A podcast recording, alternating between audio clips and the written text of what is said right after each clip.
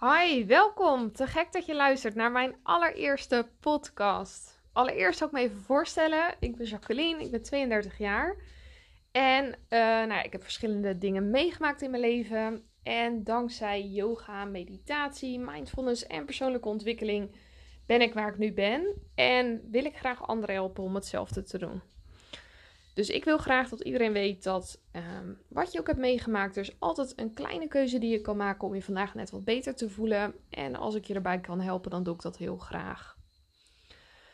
Uh, allereerst over mediteren. Je hoeft geen uren te mediteren. Je hoeft ook niet uren in een of andere houding te kunnen zitten. Dus als je wil beginnen, begin gewoon lekker. Insight Timer vind ik een hele goede app. Daar zou ik mee beginnen. Daar kan je ofwel geleide meditaties luisteren, of je kan daar een timer zetten. En als je begint, is het goed om te weten dat het zou kunnen dat er eerst heel veel spanning naar boven komt. Dat is geen probleem. Heel veel mensen stoppen dan omdat ze denken, nou, het zal wel niet helemaal goed zijn. Maar dat is juist wel goed. Dat is een teken dat je het gewoon goed doet, want daardoor kan die spanning kan weg.